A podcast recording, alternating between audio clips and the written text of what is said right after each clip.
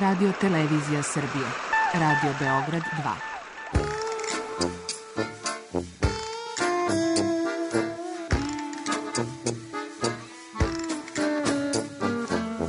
Rekli su mi, gospodine, vi ste promašili temu. Pa ja sam onda promašio život. I ne znam šta će da bude sam. Kaže, ja ne mogu više te čuvam. Šta da ti radi, kaže, snađi se kako znaš. Mi smo kao u kafesu. Za nas to je najmrtvo. To je mrtvo za nas, naročito. I ja bih želela neko da me usvoji. Da bih želela. Govori da bih te video. Program dokumentarnog zvuka.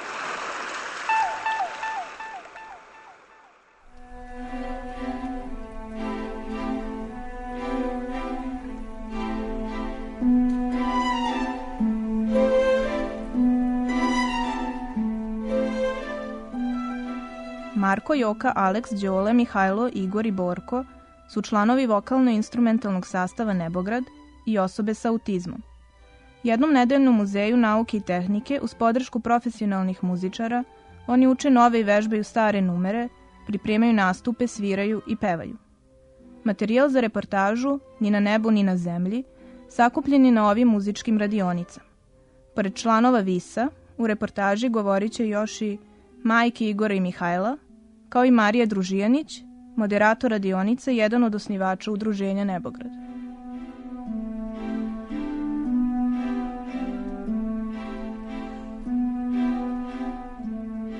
Nebograd je udruženje nastalo 2012. godine. E, bavimo se različitim umetničkim projektima koji uvijek uključuju neku vrstu edukacije. VIS Nebograd, dakle vokalno-instrumentalni sastav, se sastoji od osoba sa autizmom uz podršku profesionalnih muzičara. On je nastao kao rezultat e, radionica koje su se odvijale i pri udruženju Nebograd i pri Savezu Autizam Srbija, gde sam ja volontirala, ali oni su raznim nastupima, kroz vežbanje i kroz e, višegodišnji trud raznih e, ljudi koji su bili uključeni u radu sa njima, prevazišli tu vrstu radionice i više nisu, da kažem, na tom nivou da se zovu muzička radionica, nego su zaista vokalno-instrumentarni sastav. Oni sviraju različite instrumente, jako lepo pevaju i vole da nastupaju. I pod ovim imenom nastupamo od početka 2016. godine.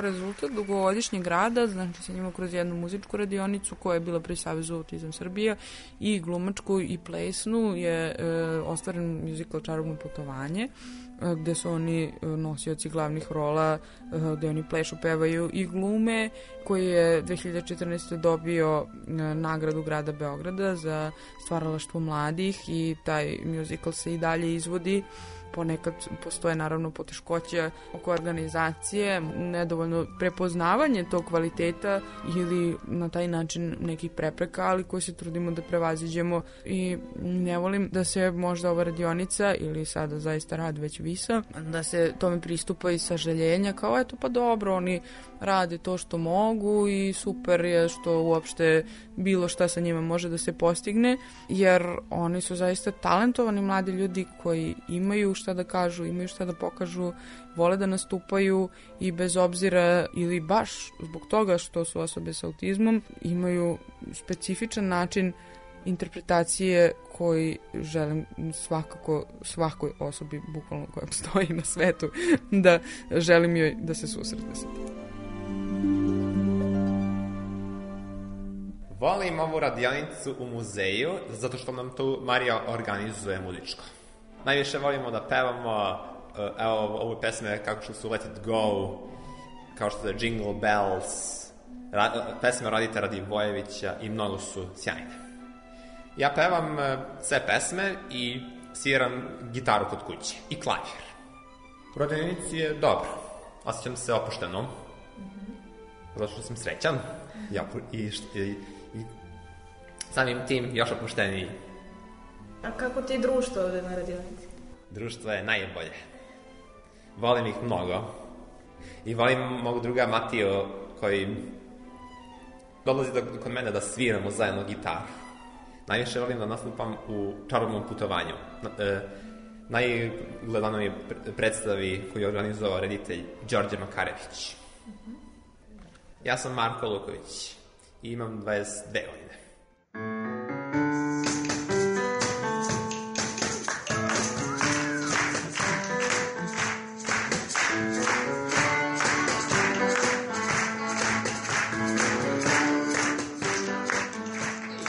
Check it out, baby, now. Come on, come on, come on, come on, baby, now.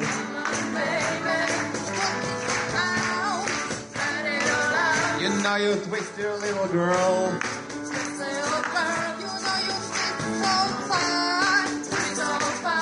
Mother, twist a little closer now. And let me know that you're mine.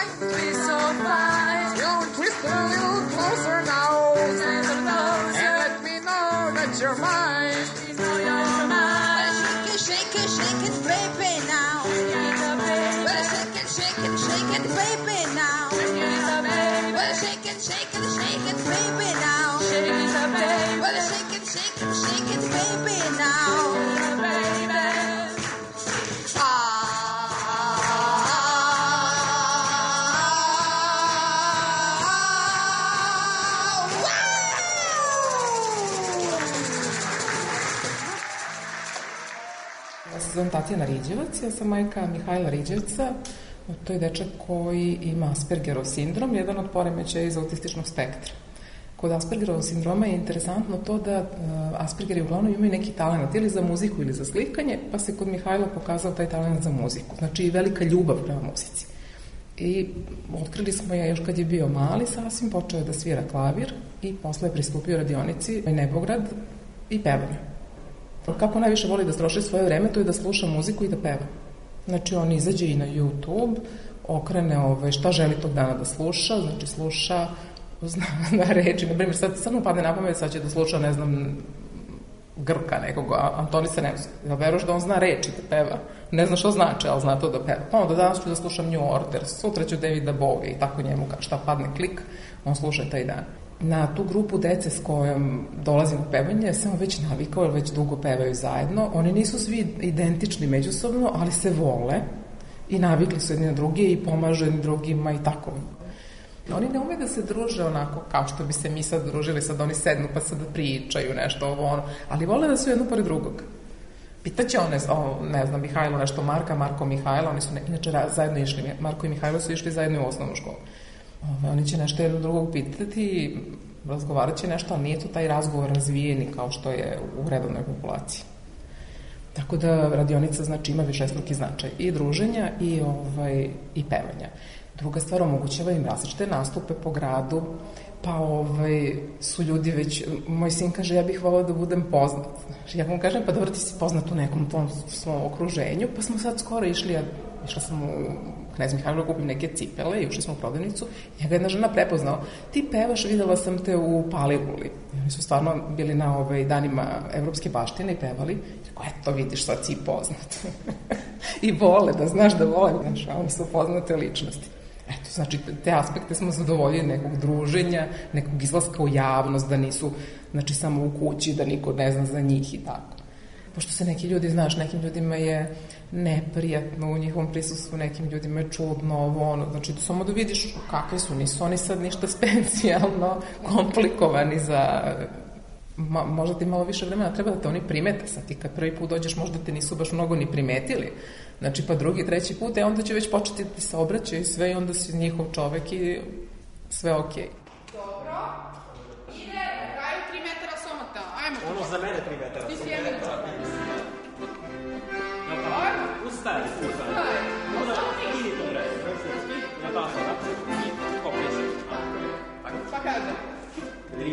para somotar.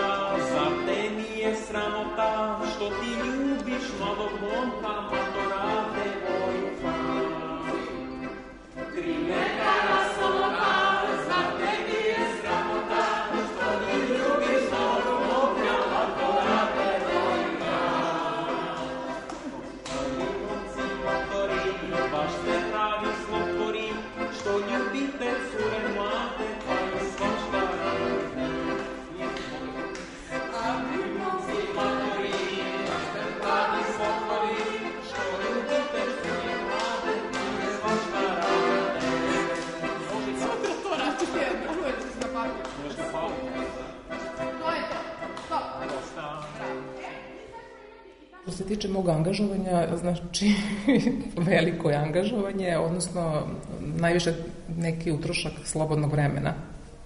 Pošto Mihajlo i ja živimo sami, znači celokupna organizacija bilo kog odlaska na neki nastup ili na, na radionicu, znači spada na, na mene ali to s druge strane olakšava, znači pošto nemam neke druge osobe koje mi morala vodim računa, znači svo svoje vreme rasporedim na Mihajla. Ne, ne mogu da kažem da nešto specijalno teško to pada. Popuno sam navikla. E sad, verovatno kod nekih roditelja, nekim roditeljima je neizvodljivo ili imaju drugu decu, ne znam, druge obaveze, što ja znam, ali eto, mi smo nekako uskladili. Znači, što se tiče samog ovaj, obitavanja u kući, spremanja, raspremanja, svih obaveza oko sebe, higijene, sve, postavljanja, raspremanja hrane, pranja sudova, iznošenja đubreta, to ti sve Mihajlo može sam. Mislim, tu nema nikakvu prom nikakvu različitost sa običnim, kako oni kažu, neuro, ovaj, a, zaboravila sam kako kažu, redovnu populaciju. Znači, tu, tu nema nikakvog ograničenja. Nema potrebe neko da ga čuva kod kuće. Ja kad odem na posao, on je sam, sebi nađe nešto da radi po kući, gleda TV, sluša muziku, ne znam, čita nešto, baš ne voli mnogo da čita, ali ja. A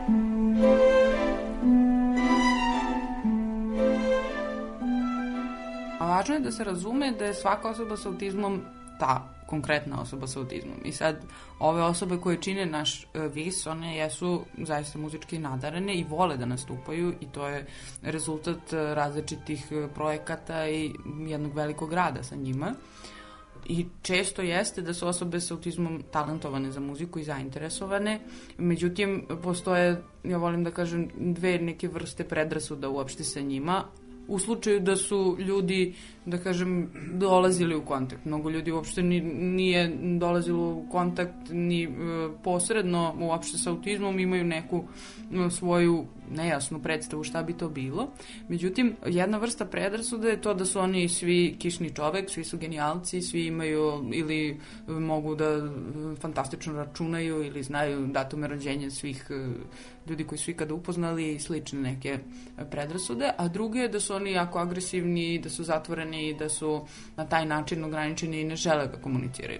Oni žele da komuniciraju i e, vole da se druže, međutim, naravno imaju određene ograničenja u tom smislu i zato je potreban različit, potrebni su različiti stepeni podrške, pre svega institucionalne, a zatim i lične, znači u, u samom kontaktu sa njima e, mora im se obrađati na određeni način, ponekad kad ih pitate nešto što vama padne na pamet, nećete dobiti odgovor ili nikakav, ili makar sigurno ne onakav kako ste očekivali, ali na taj način to postaje beskreno simpatično ako smo dovoljno otvoreni da ovaj, shvatimo taj način funkcionisanja i da se mi u stvari prilagodimo jer je veliki broj ograničenja socijalno uslovljen. U tom smislu nije sve uh, stvar tom poremećaju, već i na način kojim se pristupi i kako se postavi pitanje, kako se, e, kakav odgovor se uopšte očekuje ili može očekivati.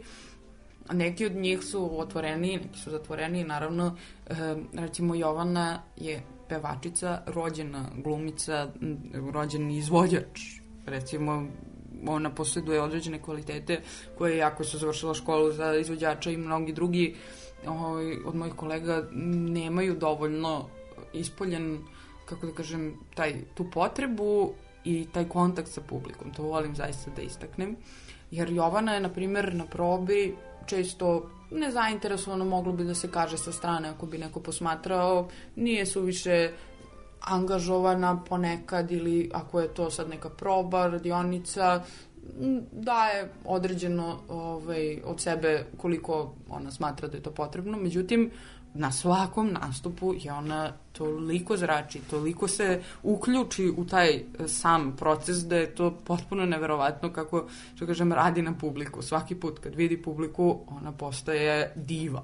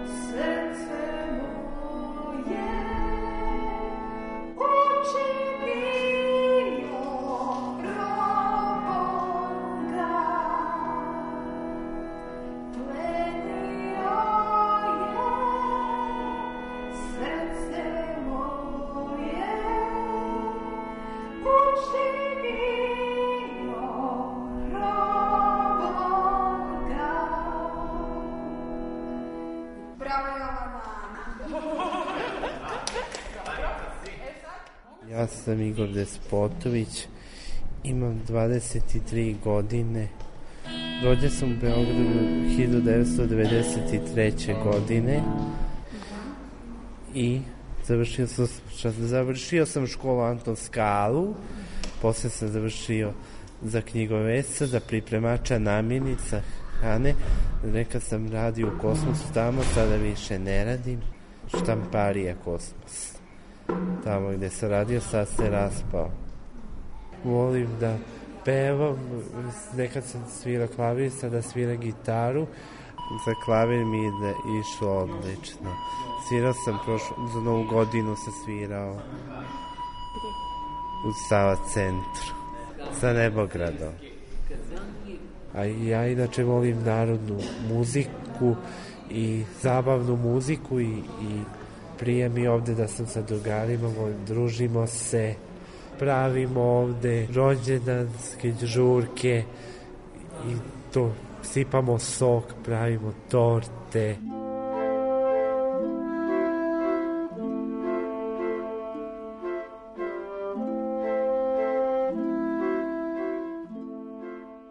Ja sam Gordana Vulić, mama Igora Despotovića, momka koji je osoba sa autizmom. On ima 23 godine, moj muž i ja smo razvedeni. On ponekad provodi vreme sa tatom, ranije možda malo više, sada možda malo manje, mada meni su mnogo pomagali pomaže mi još uvek mama i moj tata koji je preminuo pre nešto jače od godinu dana, ali uglavnom sve što radim sa njim radim sam. E, ja sam koliko god mogu, pošto radim, potpuno angažovana da idem da ga pratim na svim njegovim aktivnostima. S tim što on na neke svoje aktivnosti ide sam, ali u posljednje vreme ga pratim skoro svuda, jer e, prolazi kroz jedan malo, da kažem, teži period koji nije imao ovakav kakav do sada uopšte.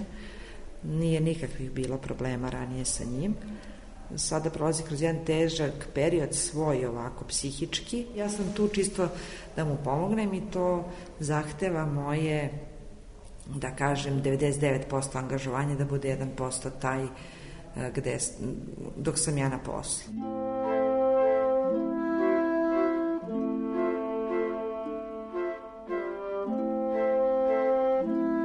Njega muzika relaksira i pomaže da prebrodi neke svoje ne strahove kao da se boji nečega, nego neki strah da li će da bude dobar u tome šta radi i njemu to trenutno u ovom sada periodu e, jako prija i voli da dolazi na radionicu i da se druži sa decom.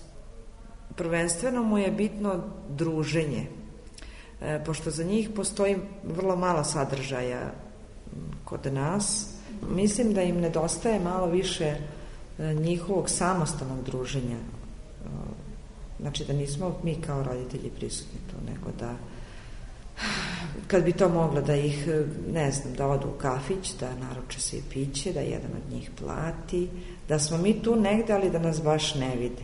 I oni trebaju da imaju i momke i devojke, a mnogo je teško da se odlučiš i kao roditelj ženskog i kao roditelj muškog deteta da mu dozvoliš da da ima možda devojku ili da ima možda momka.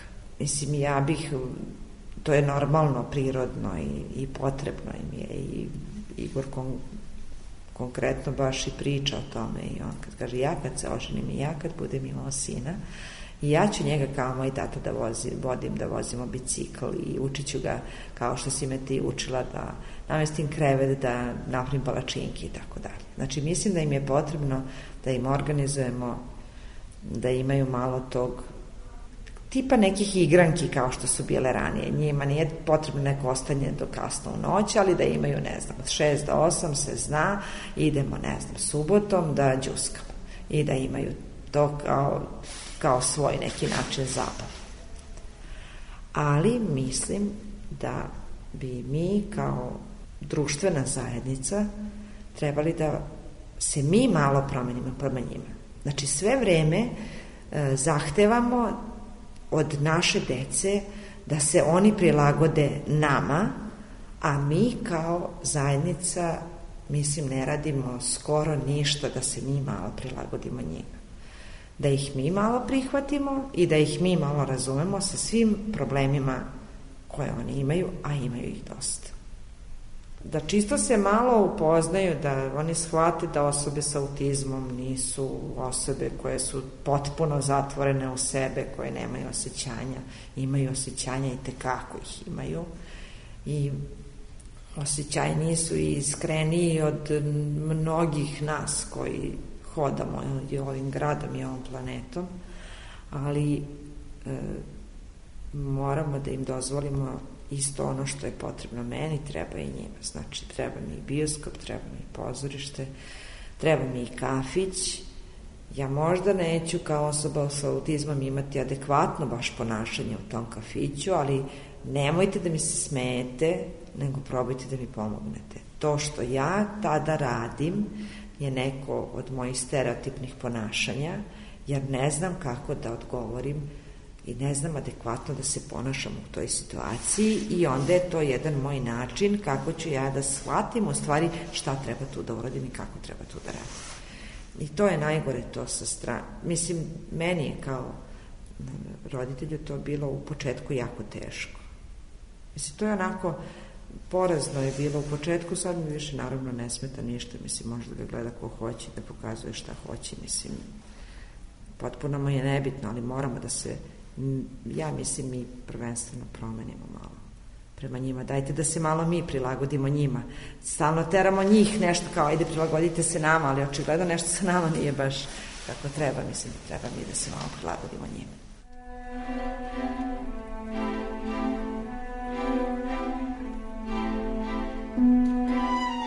Sad smo u galeriji Drugi krug, Muzeja nauke i tehnike, gde je inače i zbirka muzičkih instrumenta koja sadrži orgulje. To su jedine orgulje koje su u funkciji van sakralnog prostora u Srbiji.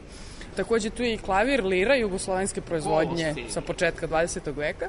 To ćemo koristiti i udaraljkice neke sitne, kao i Aleksandra koja će pevati na svom jeziku.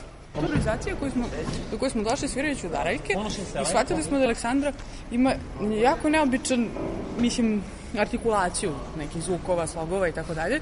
I ona je spontano počela da peva neku melodiju koju ni mi ni roditelji ne znaju šta je, uopšte neke su reči i melodije, tako da nam to služi kao nekad upuštanje ili podsjetnik i tako onako m, simpatično uz to sviramo i udaraljke i ove melodijske neke instrumente, ali je u stvari to njeno pevanje bio podsjećaj za celu tu priču, da, da istražujemo i na taj način.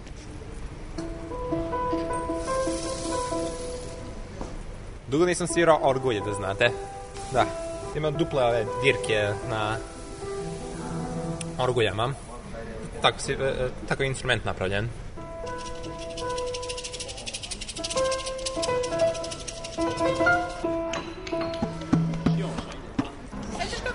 To, ona to je ovaj, melodija što si pevala? Kako da mu harmonika. Ne mundharmonika, nego anybody else go by his net. To, ajde vidimo. Da čujem.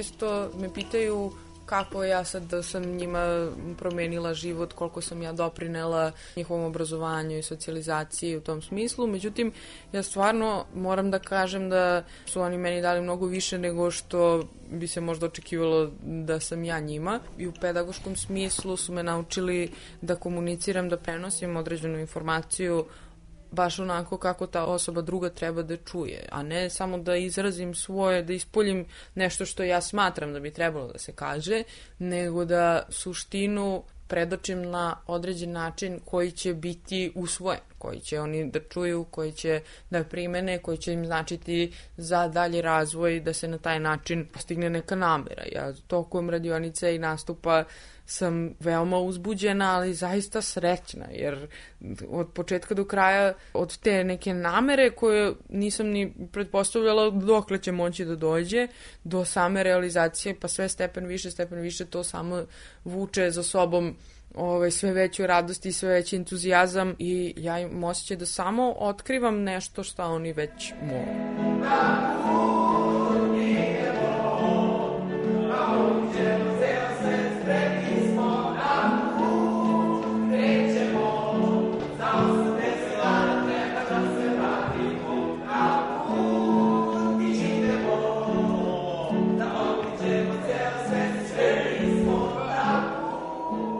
Montažu Ni na nebu ni na zemlji realizovali su autor Milana Radić i ton majstor Ognjen Škrbović.